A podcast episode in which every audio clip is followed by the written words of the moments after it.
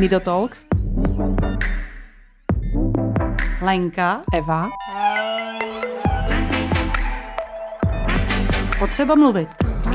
Potreba rozpráva.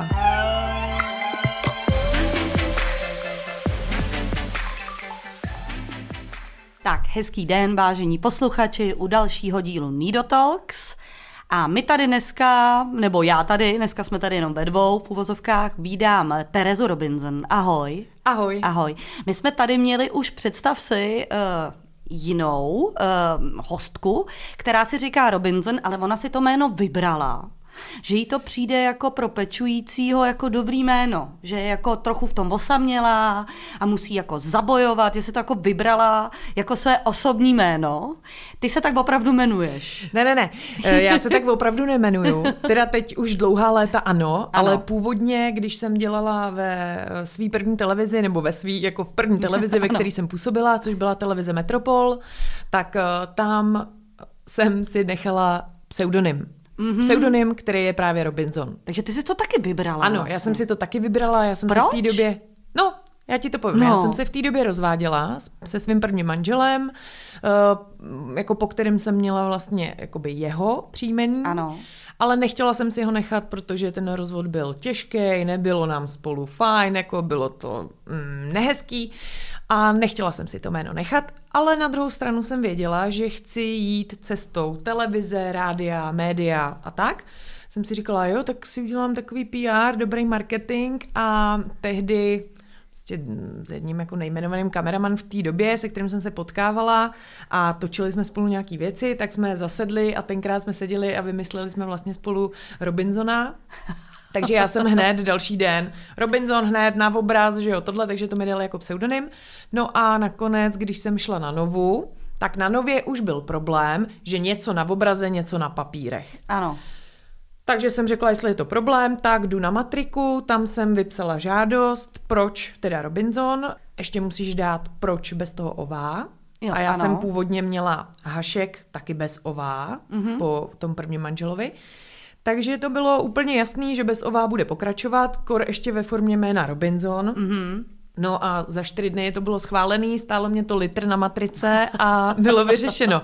A Robinson putovalo do občanky a vlastně teď mám ještě druhý jméno po svém druhém manželovi, ale pracovně používám pořád Tereza Robinson. Tohle, pořád jasně. tohle. Hm. A ono je to opravdu jako dobrý jméno, jako na zapamatování rozhodně, ale i teda v tom, co to trochu symbolizuje. Je to tak. Já jsem to v té době, kdy jsem si ho dávala, cítila úplně. Jak Robinson, dobrá literatura, tam mě taky bavila, dobrodružství. Na druhou stranu stroskotání. Pro mě hmm. v to životě bylo velký stroskotání, to manželství nepovedený hmm. první, jo. No, jo takže to tak hodně na tomu nasvědčovalo. Byť jsem si pak říkala, jestli náhodou mě to jméno neprovází jako záměrně a nepřináší mi ty osudové rány mm-hmm. jako by dál, jo, jestli Jak se tomu říká, že trochu jsi naproti. to přivolala. No, no tak. ale tak na tohle já teda zrovna extra nevěřím, ale samozřejmě ani to nemůžu popřít, co není. Tak, ne, tak. Nemůžu. ale popasovala no. jsem se s tím, že Jasně. jsem si ho prostě nechala. Ano, prostě si ho vybrala. Jo. No a proč my jsme si tě vlastně pozvali? Nebo ty si vlastně mi psala, že jo? Ty ano. posloucháš naše rozhovory? Nějaký? Nějaký ano. Nějaký a slyšela? slyšela jsem rozhovor, eh, kdy tady byla Petra Tomalová ano. z Centra provázení. A ten tě zaujal. A ten byl pro mě úplně jasná zelená proto, ano. že se vám musím ozvat. Jo, šlo to ruku v ruce. Jo? Jasně. Líbilo se mi Centrum provázení. Vlastně to byl první rozhovor, který já jsem slyšela. Ano. Jo. Tak skvělý, takže byli se to od tohohle. A my se teda vrátíme na začátek. Toto je vlastně trochu spíš konec, ale v tom, eh, nebo spíš pokračování, než jako konec. Co tobě vlastně se stalo, že tě to přivedlo až k tomu centru provázení a dalším jakoby věcem. Ty seš teda máma tří dětí a teď jako jak, jak byl ten vývoj, jo? Jako teď eh, máš, teď kolik je dětem teda teď? Laura ta je nejstarší, tu mm-hmm. mám mhm. z prvního manželství, tý bude 13. Ano. Pak máme Ondráška, tomu ano. budou čtyři, ten ano. se narodil s těžkou srdeční vadou, mm-hmm. takže už otvírám téma, ano. Uh, proč. A poslední je teď Vojtíšek a tomu je rok a půl. Mm-hmm, to dobře. je slunce. Jasně. Takže s prvním dítětem si teda neměla žádný takový problémy, ale s tím druhým teda už nějaký uh, komplikace teda byly. Ty si tušila ještě, když jsi byla těhotná, že by nějaký komplikace mohly být? Teď myslím za prvé od doktora a za druhý vnitřní pocit. Od lékaře vůbec nic tomu nenasvědčovalo. Mhm. Žádný vyšetření neukazovalo žádný odchylky nebo možnosti toho, že by se Ondřej měl narodit nemocný.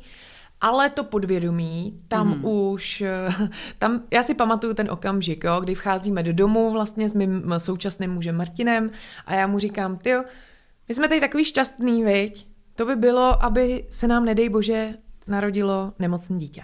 Mhm. A to byla jedna jediná věta, kterou si pamatuju, že jsem na tohle téma v tom těhotenství vyřkla.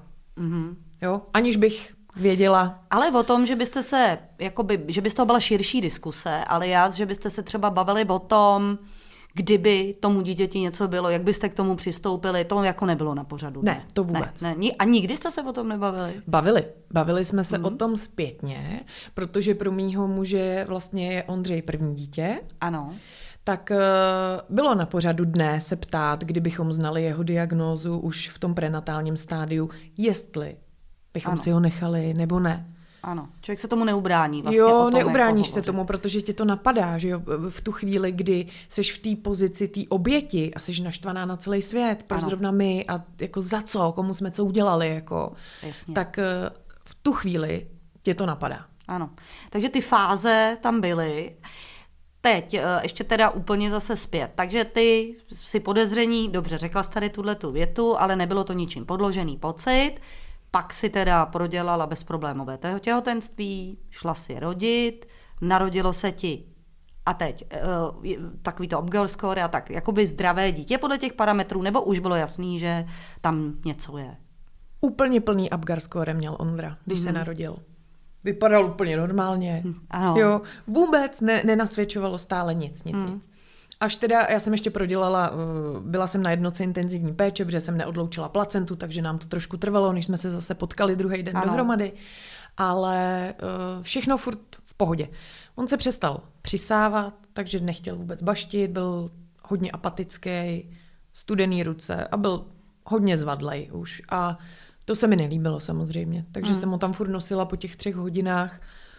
Sestři, co s ním, Jo. že jo. No, Takže on je opravdu ještě- od pohledu se ti zdál takový jako gumovej prostě. Jo, jo, prostě hadrová panenka Hmm, byl. jo. No. no a ten třetí den už se ho ujala sestřička a už mi ho nevrátila. No. A co s ním teda udělat? No Nebo nech- řekli ti, co s ním jdou dělat? Nebo... no tak nechala si ho v inkubátoru, protože Hmm. on opravdu byl hodně i podchlazený, on měl nízký saturace, kolem třeba 80, 85, což jsou hodně nízký. My máme nějakých 98, 99, hmm. takže bychom ani nevstali z postele, vždycky říkám, aby lidi chápali to přirovnání. No a říkala, může to být infekce, může to být cokoliv, hlavně prostě ne, nešilte, jo, ještě nevíme, nemáme výsledky. No ale já jsem věděla, že to už bude průšvih. Jo, Já jsem to něco. cítila, už jsem to věděla a říkala jsem si stříčce, říkám, on má určitě něco se srdcem. Hodně se mu zvedal hrudník, hodně rychle dýchal a pak už mi to bylo jasný, no. No a tam a jako jakási diagnóza, nebo jak, co, co se dělo dál teda? Oni No, ho pak přišli Mhm. a to bylo úplně, to si pamatuju, sedím tam na té bulovce v té jídelně, se mnou můj muž už tam a šla sestřička, šla paní doktorka. To bylo jak ze zpomaleného filmu, jak z toho amerického filmu s, s, s lékařskou tématikou jdou prostě ty kroky, jak pomalu to slyšíš i jak to duní prostě o tu zem a zpomalovačka, že jo, štědočernobílá ideálně, jo. Mhm. A Takže přicházejí. a přicházejí Mhm. a víš, že prostě nenesou dobrou zprávu. Mhm. To je tak, já jsem se takhle držela stolu, jak se teď držím. Ano. Jo? A vydecháváš to prostě. No. No a pak úplně mám mlhu. Jo, chvilku to vypadalo, jestli tam sebou švihnu, nebo ne. Hmm. Teď mluví, že najednou nastavuješ autopilota. Hmm. Úplně jsem vnímala, jak, jedu na, jak začínám jet na toho autopilota, abych se nezhroutila. Hmm. No, Jo. no jasně. Jo.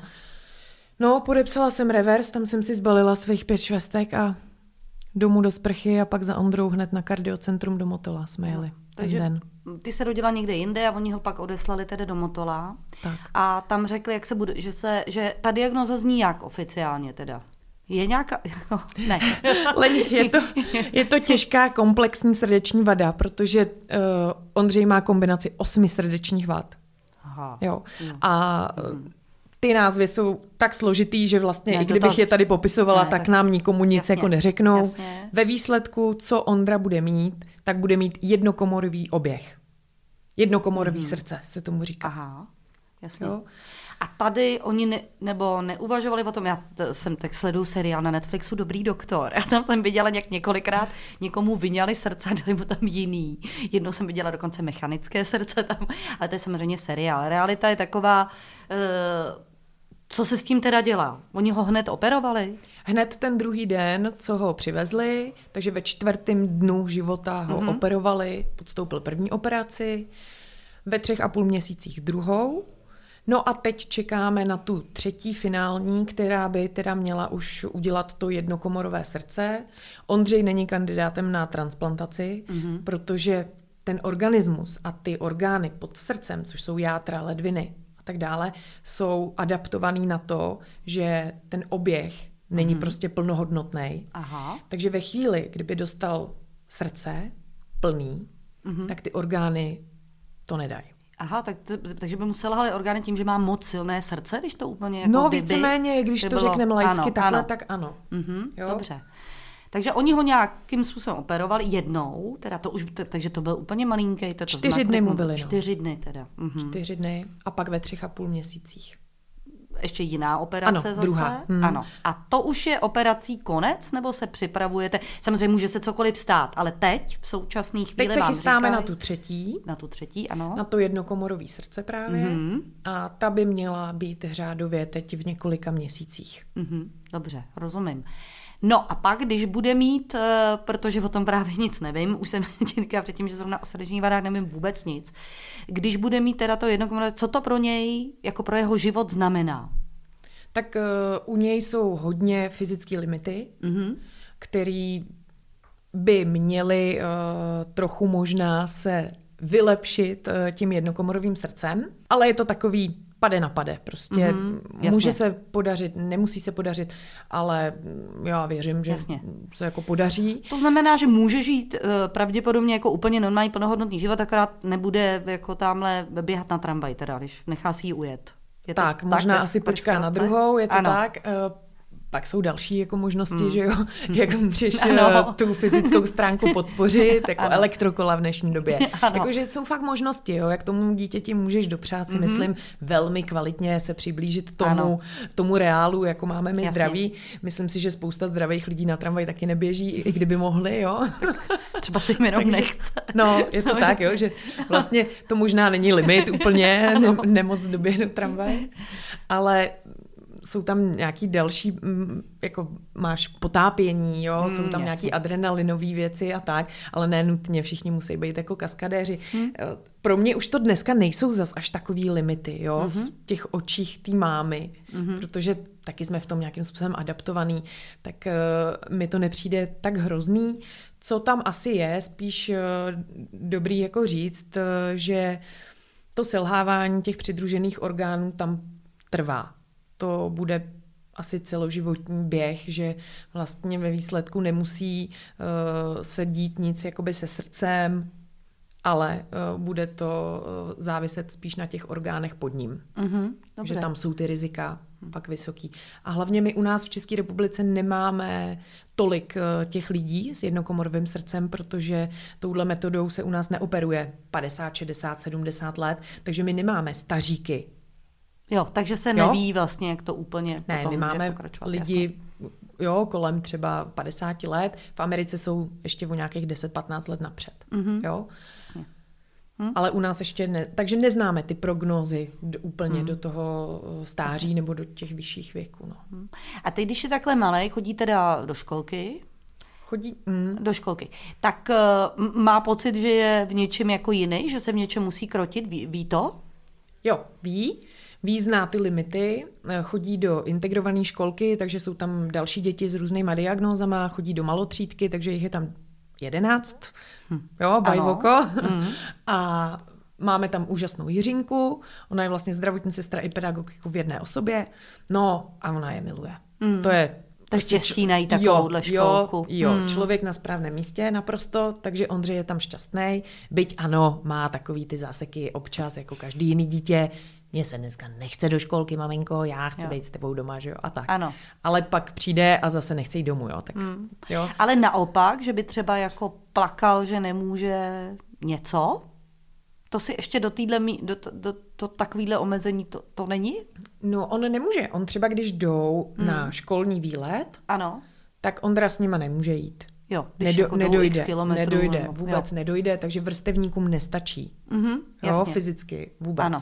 Jo, takže teď jsme přemýšleli právě, že bude mít nějaký golfáč, aby mohli na to hřiště, že ho tam Hmm. hmm. poposune Jiřinka. Hmm. No, tak to se nějak úplně nes, nesetkalo u Ondry, ale uvidíme, až teď hmm. se začne oteplovat. Tak, eh, ale že by jako vyloženě plakal, spíš vždycky tak jako volá na ty děti, že jo, počkejte na mě, jo, a Jasně. tak. No, ale že by z toho měl, že by byl s tím traumatizovaný, to zatím říct nemůžu. Hmm. Ani v tom není moc vychovaný, jo.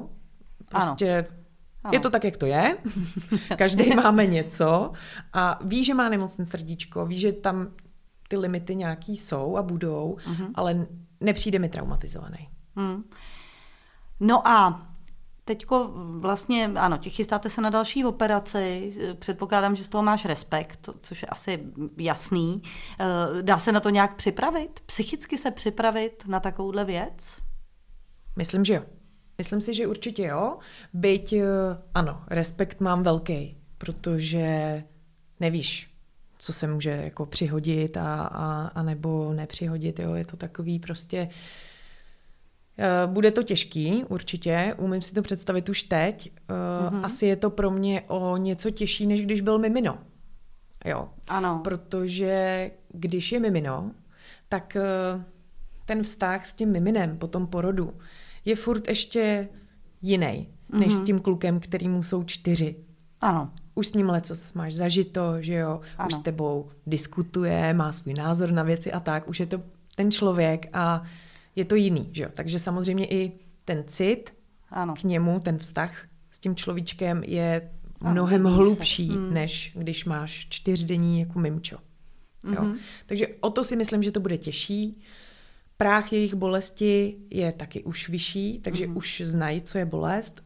Ty mimča mají potlačený práh bolesti, takže víš, že sice má eh, jizvu přes celý hrudník, ale za pár dnů o tom ani neví. Mhm. Ondřej tři dny po té operaci velký ležel prostě na břiše a vůbec se Jo. tím jako netrápil. Hmm. Jo, a bylo to úplně v pohodě. Hmm. To si vůbec neumíš představit, jako ti No, rozpárají no, bři, jako hrudník, že jo, na XY stehu a všeho a za tři dny, že si jako na něj lehneš. No, No. no. no úplně si to představit neumím, jo. Ale u těch mimin je to v pohodě. Takže i ten práh té bolesti je ve čtyřech letech u toho dítěte jako u dospělého člověka svým mm-hmm. způsobem. Takže tam musím i kalkulovat vlastně s tímhletím, že ta bolest přijde a nevím, koho víc připravovat, jestli sebe, ostatní členy, anebo Ondřeje. Ale uh, asi to vezmu trošku sobecky, myslím si, že nejvíc sebe a Ondřeje, protože když my budeme dobře připravení a dobře to zvládneme, tak to s náma z, jako zvládne zbytek Ano, ano, rodiny. i, i jako jo. ostatní. Jo. Jo. To znamená, že je to trošku takový jako pořád proces. A Ano. ty jsi říkala, že na začátku si prodělala asi vše ty fáze, které podle mě jako je, jsou správný, eh, prodělat je všechny, eh, od toho sebeobvinování a obvinování druhých a, a proč já, klasika. Takže v které fázi seš teď? Já myslím, že jsem v plné fázi přijetí, že, Jasně. že, že mi to jako náleží Ano. už, cítím se tam v tom dobře Ano. A beru to tak, jak to je a hledám ty možnosti, už nikoho neobvinuju, jo, Ano. a, a jsem s tím vlastně, jasně, nikdo nechce mít nemocné dítě primárně, Ano. jo, ale Ano. když už ho máš, tak uh, si z toho musíš vzít to, co si vzít máš. Takže já jsem se spíš začala zabývat věcma, co mi to dává, co mi to přináší a jaký jsou moje možnosti. No a ty si předtím, než eh, si vlastně měla asi mezi tím si vlastně ještě byla v té televizi, nebo tak ty už si to trošku jako uh, nakousla, že si vlastně dělala v médiích, no ale teď děláš úplně něco jiného. Tak vlastně, co děláš a co, co tě vedlo k tomu, že děláš to, co děláš? Je to tak, tak já jsem se stala vlastně rodinou koučkou, mentorkou, průvodkyní, chceme-li, a pomáhám ve svém projektu, který jsem pojmenovala Srdcem Robinson, mm-hmm. tak pomáhám rodinám a stojím při rodinách s handicapovanými dětmi. Mm-hmm. Je to tak, vlastně nejsem terapeut, nejsem psycholog, nejsem lékař, to je důležitý zmínit. Jsem coach, taky nejsem kouzelník, říká zase uh, moje největší učitelka Magdalena Vokáčová. Řekni jim, že nejseš kouzelník, jo? Jo, jo, jo. Tak to mi přijde takový vtipný, tak to teď tady posílám do pléna. A e, starám se o ně od chvíle, kdy přijdou. Takže je to různý. Někdo přijde čtyři dny po sdělení diagnózy, někdo přijde měsíc po, někdo už v nějakém dalším hmm. sledu běhu, protože si neumí ta rodina uh, s tím poradit sama, chtěli by se co nejvíc přiblížit reálnému a normálnímu životu, ale ano. neví, jak na to, tak pak za mnou přijdou. No a když se vrátím ještě zpět v tom, proč si to začala dělat, tak je to tak, že ty jsi si jako uvědomila, že tobě samotný by to pomohlo, nebo co tě vedlo k tomu, že jsi si řekla, že těmhle rodinám budeš jako pomáhat? Jo, tak asi ne tím, že by mě něco takového pomohlo. Já jsem se s tím popasovala po svým mm-hmm. a spíš, když jsem docházela na nějaký terapie ve svém životě, tak eh, jsem se zaobírala jinýma tématama než eh, nemocným Ondrou, protože to jsem si tak troufla říct, že jsem si to zpracovala mm-hmm. sama, ale vedlo mě k tomu to, že já mám původně před uh, těmi médii mám ještě střední zdrávku, mm-hmm. takže tam hm, ta chuť nebo i empatie eh, pomáhat byla vždycky.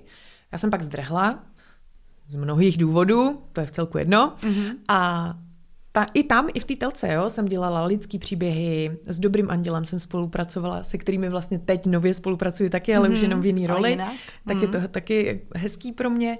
No a abych ti odpověděla, tam šlo o to, že já mám dar a to je moje energie a láska k životu jako takovýmu. A tu si troufám říct, že tenhle ten dar můžu nabízet dál a tak jsem se rozhodla, že tahle ta skupina lidí je ohrožená tím, že má málo energie a vidí ten život možná už ne tak eh, růžově, když to přeženu. Takže jsem si řekla, tak to je jasná cílová skupina, který se chci věnovat a jsou mi blízko ty lidi. Jo? Hmm. Myslím si, že se umím vžít do jejich situací uh, téměř do 100%.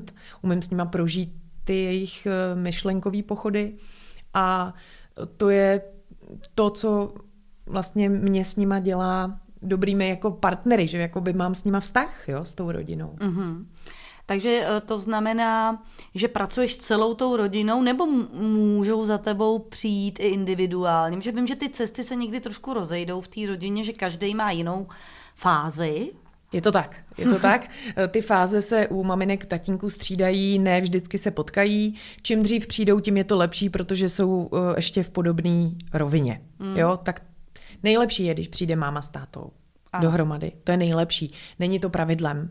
Jo, chlapům se obecně do toho chce trochu míň, Jo, takže většinou chodí ty maminky, ale když přijdou, tak přijdou s taťkama a je to perfektní. Jo? Mm-hmm. Mám pocit, že i když přijdou dohromady, že nám ta práce trošku jde i jako líp od ruky, jo? protože mm. oni se podílejí a jsou plnými účastníky vlastně toho koučování, mm. toho mentorování a všeho, takže je to takový lepší, že to mají přímo ode mě.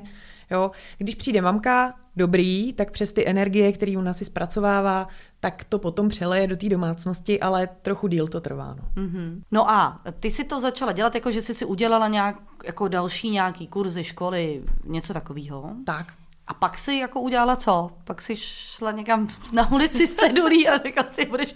Mama, ne, to si dělám legraci. Ale jak jsi se vlastně, nebo jaký je tvůj způsob dostávání se vlastně k těm tvým klientům? Šla jsem z kůží na trh, no. Využila jsem kontaktů, který mám za svůj uh, dosavadní život. Mm-hmm. Není jich uh, málo, mohlo by jich být víc, jo, tak klasika.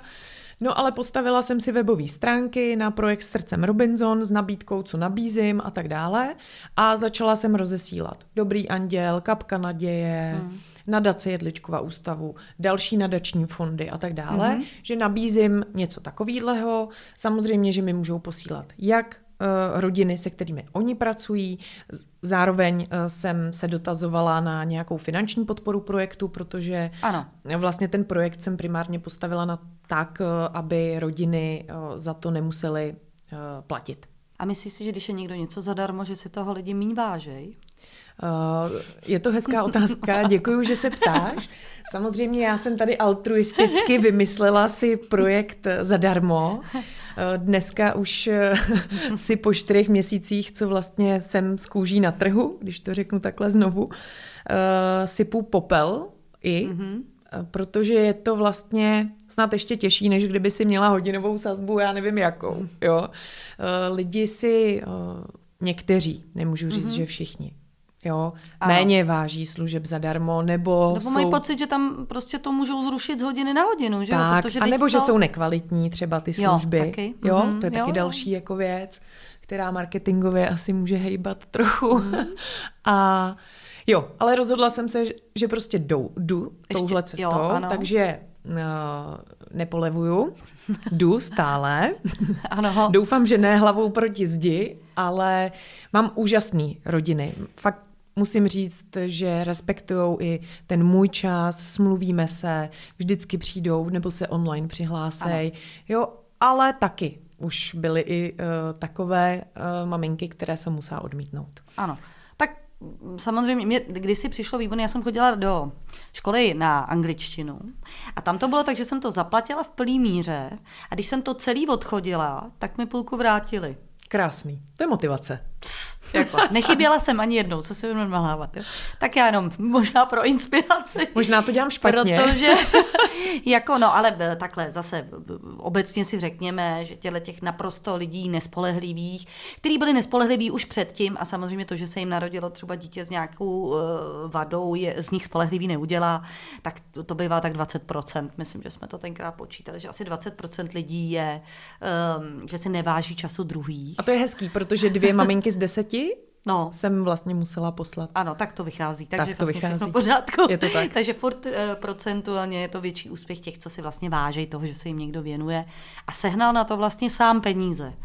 Takže ty vlastně jsi zároveň i fundraiserkou. Je to tak. Říct, Já jsem měla projektu. sbírku na Doniu, ano. která trvala čtyři měsíce. To už skončilo? Ano, už ano. skončila uh, k 31. lednu. Mm-hmm. Tam a? jsem vybrala přes 188 tisíc korun, plus ještě bokem vlastně jsem získala uh, dalších 50 tisíc korun, takže jsem na nějakých 243 tisících plus minus bajvoko ano. a doufám, že ještě se někde jako někdo dosežene. Ale musím říct, že teda uh, asi nemám úplně chuť do toho jít takhle každý rok. Hmm. Je to hodně náročné. A to ti vyzbyde na rok? Když no, ty si teď řekla každý rok, tak je to tak cirka nebo ne? No, uh, tak hele, víš co, ono by to bylo super, kdybych měla půl mega, že jo, na rok. Ano. Tím víc může přijít rodin, jo, kolik ano, budu mít, jo. Jasně. Ale teď uh, jsem to tak zrovna počítala, říkala jsem si, že v tom uh, objemu, v jakým teď chodí uh, rodiny mm-hmm. a jaký objem mám financí, tak je to takový ruku v ruce. Mm-hmm. Že je to vlastně jako jo. fajn. Ano. Že jo, že nemám pocit, že bych jako už to musela dělat úplně zadarmo. Ano. Jo, takže je to Jasně. prostě ruku v ruce. Takže dobrý. A uvidíme, co bude v říjnu 2022. Ano. Jo, 2022, 2022. Ano. A pak... Jak se to bude vyvíjet dál. Tak, buď bude někdo, kdo mm-hmm. prostě mě zadotuje a já pak udělám to, že třeba z poloviny to budu hradit a polovinu si zaplatí ta rodina. Mm-hmm nebo půjdu v tom stejném duchu, v jakém mm-hmm. jsem teď, což eh, opravdu uvidíme. Je to těžký, jak jsme nakousli. No a nebo to prostě budu muset eh, ze 100% spoplatnit pak. Ale to jsou vyhlídky ano. opravdu Ano, ale tak jsou různé možnosti podle jo. toho, jak se to vyvine tak. a tak. A uh, ty máš svoji uh, nějakou jako kancelář, ordinaci, nebo jak se to říká? Koučovnu? Já, koučovna. Koučovnu, tak, lepší. Koučovna. Ano, koučovnu. Kam za tebou ty lidi chodí? Ano. Ano, a to je kde? V Praze v Holešovicích. V Holešovicích, mm. jasně. No a co kdyby jsem byla z Aše? Můžeme online. Můžeme jo, online. Jde to taky. Jde to taky. I spoustu technik už jsem si vyzkoušela, že jdou opravdu online, i když jsem si to do té doby nemyslela. Mm-hmm. Tak jdou tam uh, je důležitý měřítko. Je to snadný. Mm-hmm. Ten člověk musí chtít. Jo? Jasně. Když opravdu ten člověk chce, tak my i online můžeme udělat metody, o kterých jsem si třeba vůbec nemyslela, že by šli udělat online. Jo? Hmm. Ale hmm. jdou. Uh, problém je potom samozřejmě s lidma, který jako něco chtějí, ale vlastně moc nechtějí. A, a věšejí u toho prádlo. No a já je pak ještě mám. Co se mi totiž stalo taky u já nepřeju na taky školy má.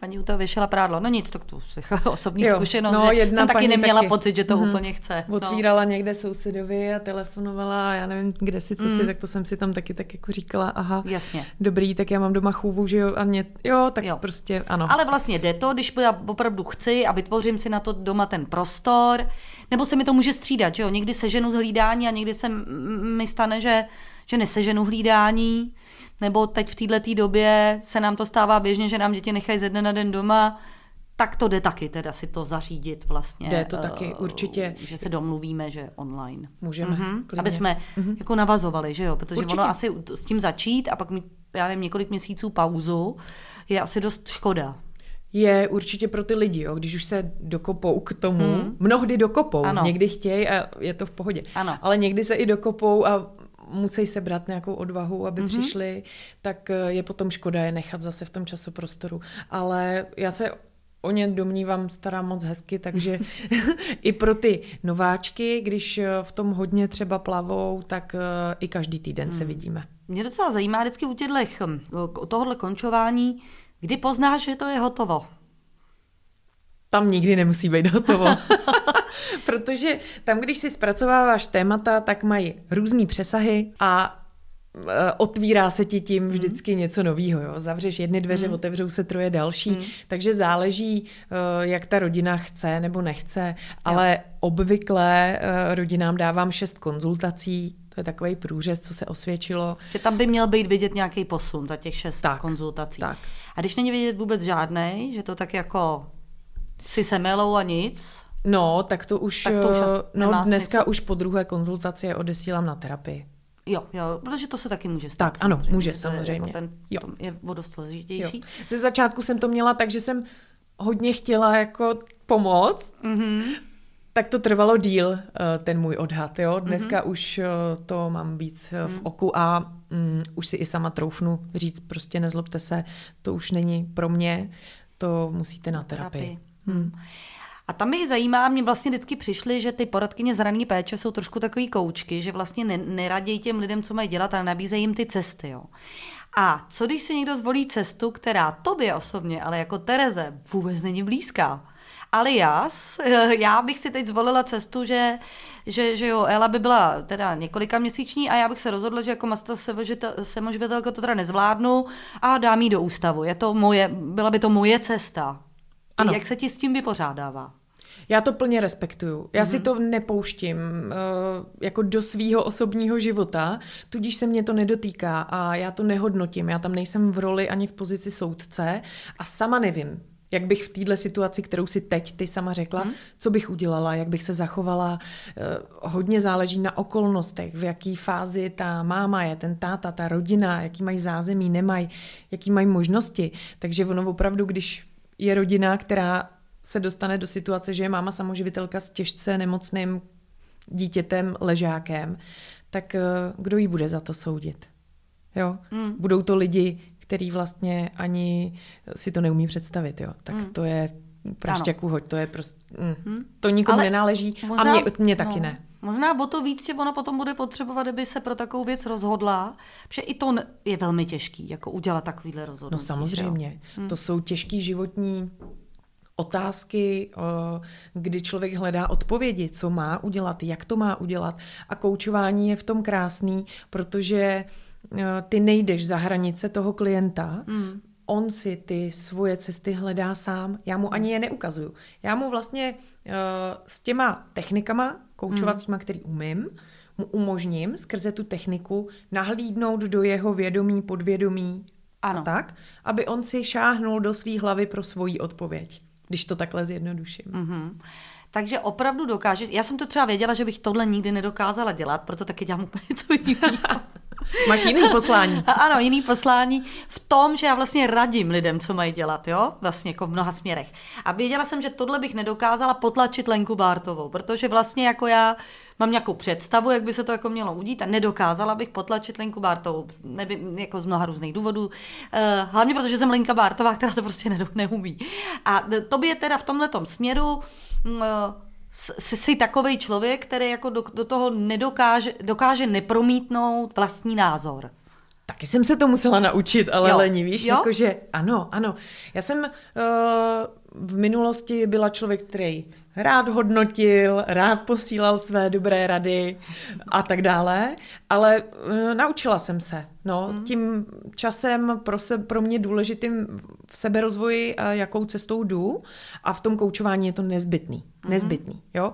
Pak samozřejmě, když chci uštědřit dobrou radu, mohu, protože mentoring je taky krásná věc a poradenství, tak ale to už se ptám, musím vystoupit z role kouče a můžu třeba říct, hele, uh, používám to vyloženě i třeba pro ty rodiny, uh, které mají děti se srdeční vadou, tak uh, protože tam je to takový nejbližší, ano. jo, a když je čeká něco dost podobného, tak tam jim opravdu řeknu, hele, můžu vystoupit z role kouče, my jsme to měli takhle, zkuste třeba tohle, tohle, tohle a můžu jim dát nějaké doporučení, když oni jako chtějí. Ano, ano. Tak pak pak můžu, ano, i trošku jít do, do toho, co zase je blízký tobě.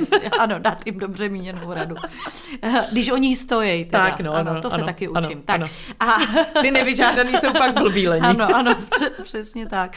To by se mi mohlo stát, že by mi řekl někdo něco, co, abych si třeba i zasloužila. Dobře.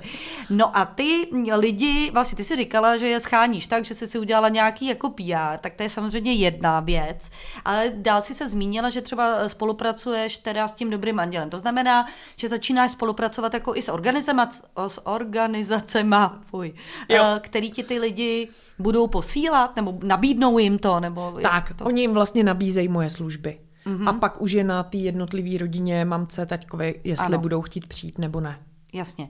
Takže a to oni s nima, jakože jim to nabídnou v nějakém jednání. Myslím, že dobrý anděl funguje tak, že lidi od nich pobírají nějakou jako podporu, a teď jako co, tak mi jako pošlou maila, jo? Že, nebo Oni co? Uh, buď mají newsletter, ve kterým uh, můžeš uh, získat uh, tuhle tu informaci o mně, anebo to postují do jejich uzavřené skupiny vlastně uh, rodin, ano. rodin s dětmi s handicapem nebo s postižením ano. nemocný.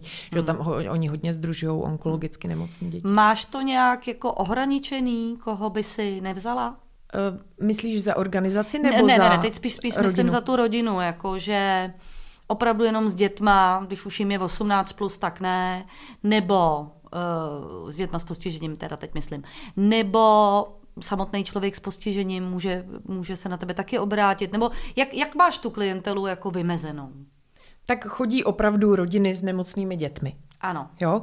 Zatím nepřišel teda nikdo, že by přišel s dítětem nad 18 let Takový maminky mě třeba kontaktovaly na základě některých rozhovorů, které viděli, tak mi uh, psali, jo, možná náš uh, Pepík měl uh, stejnou diagnozu, jako má teď mm-hmm. váš Ondrášek, ale před 30 lety, že jo, a posílají mi třeba fotku. A dneska už je to prostě dospělý chlapák, jo, a něco. Jo. Takže nějaký sdílení tam někde je, ale že by vyloženě po mně chtěli služby, to, to ne. To ne, mm-hmm. chodí opravdu vyloženě takhle. A kdyby chtěli?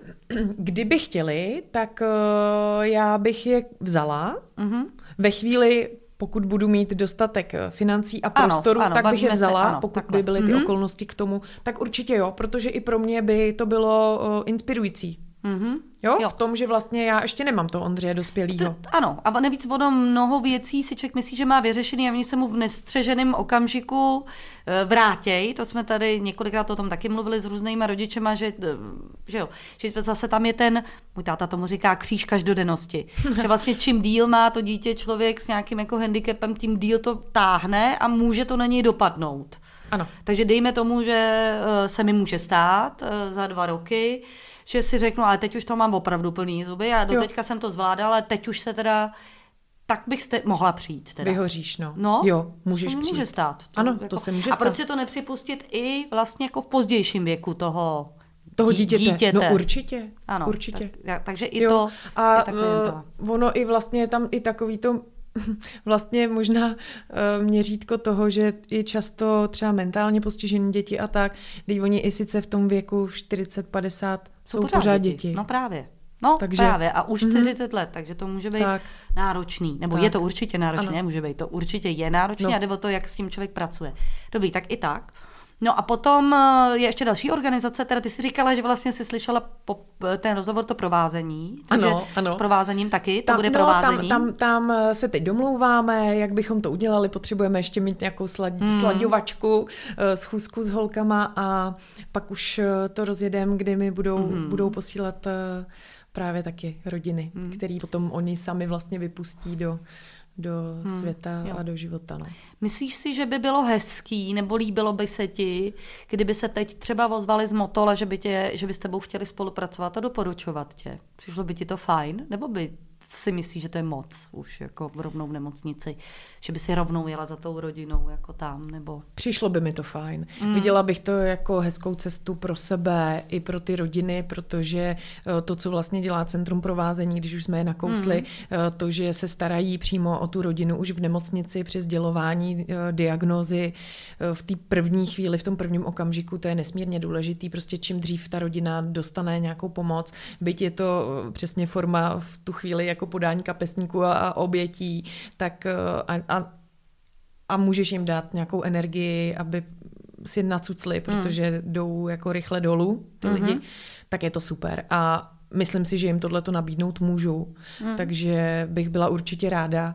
S Motolem jsem uh, byla v jednání uh, přímo s dětským kardiocentrem, kde nám léčí Ondráška. Tam je ještě docela hezký takový hezký počin eh, v mém příběhu, že moje máma tam pracovala x let jako zdravotní sestra. A, takže ty si to tam znala. Takže já jsem mm-hmm. to tam mhm. znala, já jsem tam chodila jako malá holka si chovat přesně tyhle ty mimina a hrát si s dětma. Takže pro mě potom ta profese zdravotní sestry byla víceméně jasná. A eh, když jsme tam přijeli poprvé za Ondrou, tak to bylo Teresko, ahoj, vítej na palubě, škoda, že za těchto těch mm. okolností. No, no jasně. Jo?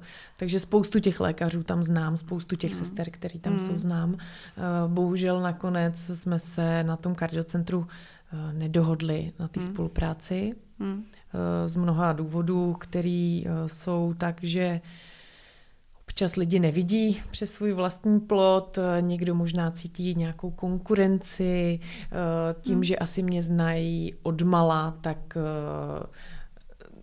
tam byly i takové tendence trochu jako ke snížení té hodnoty mých služeb, mm-hmm. minimálně v dialogu jenom, mm-hmm. ale byly. A to mně se nelíbilo, takže jsem mm. tu spolupráci odmítla. Mm, rozumím. No, možná tě potěším v tom směru, že vlastně i v rámci třeba raný péče jsme se prali s tím, že lékaři to brali jako konkurenci, že jim vlastně poradkyně zasahují do její práce, což vůbec není vlastně pravda, protože ten lékař nemá čas se s tím vlastně pacientem tolik vybavovat a vlastně ta poradkyně je tam kvůli tomu, aby naopak podpořila tak. vlastně tu práci toho lékaře, ale často se to setkávalo s nepochopením, takže jo. Tak tady Bohužel mi to, to přišlo taky tak mm. a mrzelo mě to o to víc, protože uh, jsem se domnívala, že máme jiný vztah, Mm-hmm. Tak tam jsem trošku narazila, že vlastně mm. úplně nemáme, tak ano. dobře, ale uh, na tom nemění nic, že prostě Ondřejovi tam zachraňují život a Jistě. dělají tam machři, a klobouk Ano, odborníci, jo? určitě. To jako Jasně. tak vždycky zůstane. Ano.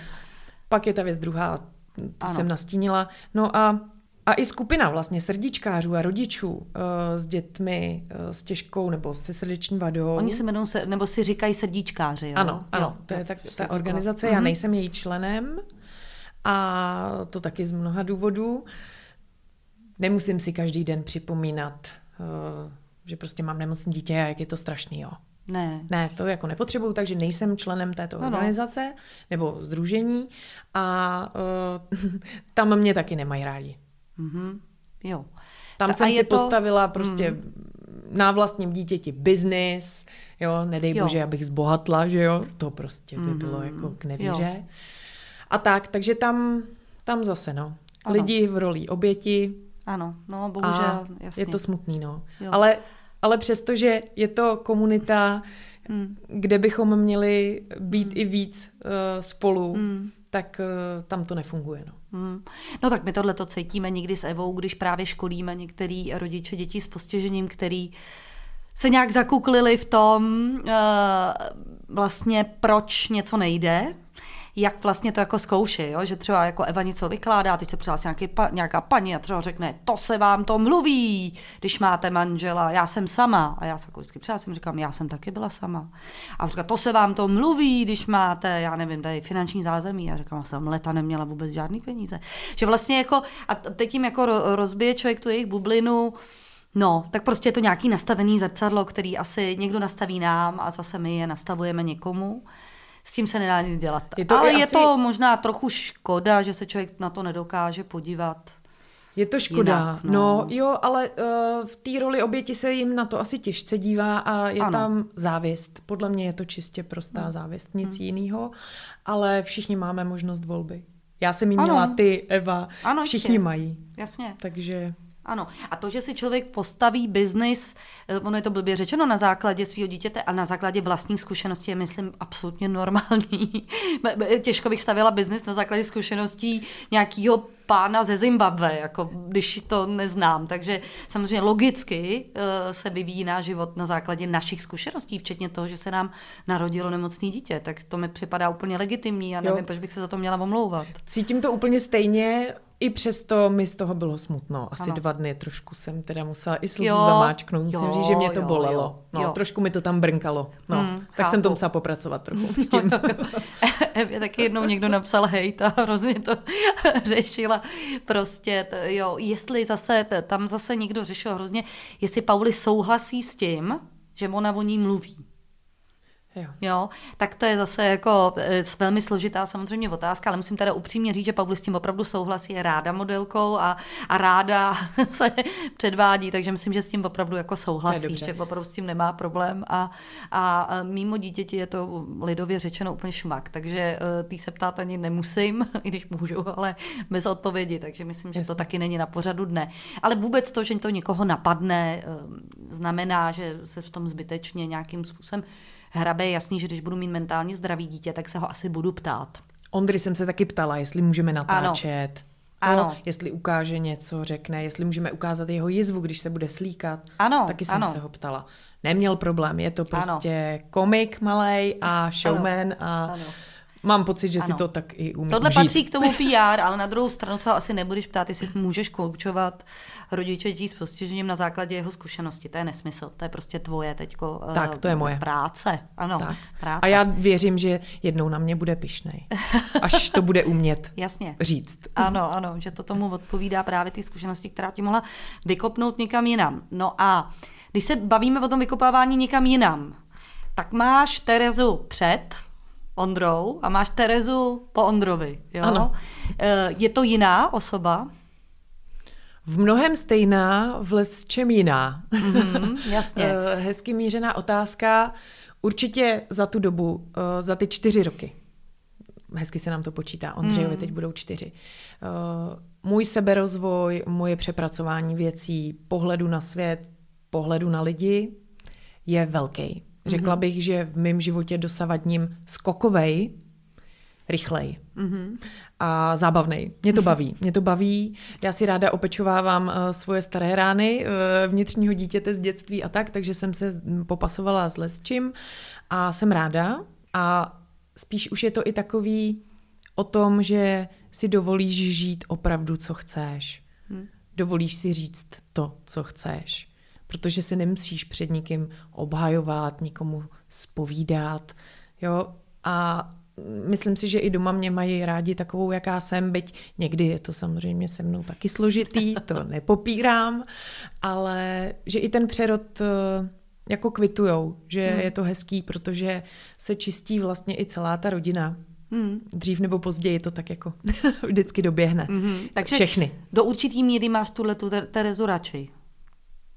No předtím to bylo taky dobrý, jo, to zase party girl, showmenka, jo, jo mm, všude Jasně. mě bylo plno. Tak bez starosti? Tak, no, svým způsobem, hm. zase s jinýma starostma, ano. jo, ale... Uh, Jasně. A já jsem tam hodně hledala sebe. Hmm. Takže mě vlastně ten Ondra dal eh, jasný ukazatel a směr mýho života. Mm-hmm, jasně, rozumím. Hmm. Já se tady musím podívat, Ježíš Mare, zase tak 10 minut do konce. Já, a to je zase zvláštní, že se vždycky kouknu, když je tam 10 minut do konce. Jo, máš tak čidlo, to, no, Ano, mám nějaký čidlo, že prostě když to za 10 minut končí. Teď si představ, že máš nějaký, nebo máme tam teda na druhé straně nějaký posluchače, který se ještě jako neodhodlali. Mohli bychom jim, nebo ty by si, samozřejmě mohla já, ani tak ne, abych jim dala tu radu, ale, ale tak spíš jim říct, trochu, co jim můžeš nabídnout v tom směru, aby se jako nebáli. Já mám pocit, že furt to ještě je trošku uh, u nás tabu, že by člověk Eh, se šel někam poradit za, za vlastně odborníkem, ale tohleto koučování zní líp, než jít rovnou třeba k psychiatrovi, i když tam třeba možná taky vede ta cesta. Já jsem se bavila, si říkala, když už je tam něco složitějšího, že stejně tam jako odesíláš, to proč neza, nezačít u tebe si popovídat. Takže kdy, když já tam přijdu a třeba ještě nebudu chtít o tom mluvit, nebo má to nějaký průběh, tak eh, ta první konzultace probíhá hodně o tom, že si řekneme vlastně v jaký fázi ta rodina je, kde se nachází to dítě, jaký jsou okolnosti těch nemocí a tak. Byť je to vlastně pro mě mm, nepodstatná informace pro koučování jako takový, ty nepotřebuješ mít vhled do toho života člověka běžně. Mm-hmm. Jo?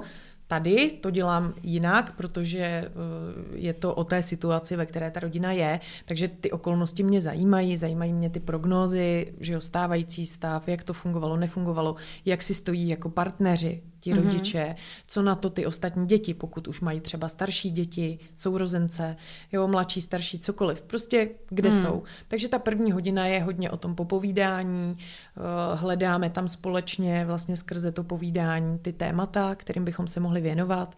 Často je to harmonogram té rodiny, mm-hmm. jak, to ta máma, jak to ta máma má postavit, když má uh, starší dítě prostřední nemocný, pak má ještě malý, jo, a dítě prochází eh, chemoterapií, do toho táta musí taky trochu něco popracovat, ano. jo, tak je štěstí, když mají funkční babičku, tak to je fajn, mm. že jim to přeju vždycky, že to jsou pomocníci k nezaplacení pak. Takže je to harmonogram rodiny, je to eh, téma eh, jejich vztahu, mm-hmm. který je naprosto zásadní pro to, aby ta rodina byla dobře ukotvená, aby oni zvládli tu péči, jak o nemocné dítě, tak ale i o ty další děti. Eh, pak je tam rozmělnění eh, toho, nebo rozdělení vol, volného času i těm dětem, který jsou v té rodině a jsou zdraví. Ano. To je taky nesmírně důležitý. Takže protože... to je nějaký téma sourozenci, že jo? Aby jo, oni netrpěli tím, určitě, že... Jo, jo mm-hmm. jako kdy prostě ten táta nebo ta máma se jim musí taky sami věnovat, vyrazit s nima do kina, nebo mm. dítě nechat babičce a jít s těma dětma, jako jim ukázat, že ten život neskončil pro ně, protože proč, jo, pro ně prostě fakt neskončil. A on neskončil ani tak, ale chápu, že v té fázi je to těžký pro ty mm-hmm. lidi. Jo, ale určitě dbát i na, na ty sourozence, protože jsou nedílnou součástí a než abychom jim vytvořili nějaká traumata, tak eh, je třeba si to ohlídat. No. Mm-hmm. Ale ono je to i o tom, jak má, nebo já to tak trošku chápu, že je to i o tom, jak, ta, jak ty rodiče mají černý svědomí. Že když to umějí jako tomu dítěti podat a vlastně nemají sami uh, to černý svědomí, sami tím ne, vlastně netrpí, že se mu nedostatečně věnují, tak to nemá takový dopad, jako když vlastně sami jsou traumatizovaný z toho, že nemají tolik času, protože je to logický, že když máš jedno dítě s postižením, že se mu věnuješ trochu víc. Určitě, ale těm dětem to musíš umět vynahradit, jo? Mm. Já neříkám, že s, tím, s těma zdravýma dětma seš potom každý den jako mm. dvě hodiny a hraješ šachy nebo člobrdo. To tak není, jasně, nejde to. Mm. Ale stanovit si nějaký jasně daný den, mm-hmm. čas, kdy prostě hlídá babička, já jdu s dětma. Jo? Kamkoliv. Ano. Ať oni si děti vymyslej, ať si ten program udělají, ale máma je tam v tu chvíli opravdu jenom pro ně a ten táta nebo na střídačku, to už jako záleží, jo, ano, jak, jak to tam jde. může mm. jít. Ale je to jako určitě velmi důležitá věc. Mm-hmm. Pak jsou to taky uh, témata, kdy ty rodiče si potřebují umět říct třeba o pomoc, Hmm. Eh, jsou to témata, kde mají oni pro sebe, kde čerpat energii, hmm. jaký jsou ty možnosti. A tohle všechno oni mají v těch hlavách. Ano. A já to těma technikama dostávám ven. Jasně. No a to mi na závěr připadá dobrá otázka. Co ty budeš dělat, aby ty si nám nevyhořela? Když, Já? No ano, protože samozřejmě tohle děláš to vlastně relativně krátkou dobu, ano. ale co když budeš tyhle ty příběhy čerpat do sebe, um, že jo, delší dobu a několik let, desítek let, tak um, pracuješ už teď na tom, jak pracovat se sebou? Určitě. Mám to odkoučovaný, své hranice, ano. takže uh, taky mi to trvalo, jo. Mm. Nosila jsem si to domů, že jo, víc než třeba teď, jo, zase jako ten posun tam je. Uh, nicméně dobíjím si baterky v lese, v sauně, uh, aktivitama se svojí rodinou a to je, to je pro mě to, kdo to nesmírně důležitý. A když zavírám koučovnu, tak je třeba jí zavřít. Uh-huh. Se vším. Jasně. Co tam padne. A ty se nebojíš jít eh, ty sama na terapii? Ne. Ne. Nebojím. Nebojím. Já chodím eh, ke své učitelce Magdaleně Vukáčové, A, jasně. tak já k ní docházím pravidelně. Uh-huh. Pravidelně jednou sama, za měsíc. Jasně. Eh, zrovna zítra se máme potkat, takže už se na ní moc těším. Eh, tam si zpracovávám přesně témata jak nastavování svých hranic. Buď se bavíme o projektu nebo o mém jako osobním životě. Uh-huh. Je to různé. Poskytujeme i supervizi, když potřebuju poradit a tak, takže Jasně. docházím. I dle Magdaleniných slov je dobrý, když coach zůstává i stále klientem. Mm-hmm, jasně. Takže děkujeme. Taky moc děkuju. děkujeme, že tady Tereza s náma byla. A já ještě připomínám, že máme na Facebooku taky skupinu, kde teda eh, ne, nezdílíme nic vlastně extra složitýho, jmenuje se to Nidotox, život jako zaměstnání. My vás tam musíme schválit, ale je to proto, protože kdyby tam náhodou někdo dělal nějaký nepříjemně, tak ho tam odsud můžeme eh, vyndat, ale zatím se to nikdy nestalo a nebylo to potřeba. A víceméně se to točí okolo našich hostů, okolo našich rozhovorů, anebo když narazíme na něco uh, speciálního, třeba teď máme v prodeji, máme panenky na vozíku, tak vlastně doporučujeme a zároveň je to určitá taková jakoby charita, protože tím zase podpoříte Nido a e, výrobky pro stacionáře, takže si u nás můžete koupit e, e, barbínu na vozejku a, a zároveň vlastně jako podpořit zase další výrobky pro lidi s postižením, takže když tak se přijdete k nám do skupiny, kdo jste na Facebooku. Tak děkuju moc, díky Terezo a ahoj. Já taky děkuju, ahoj.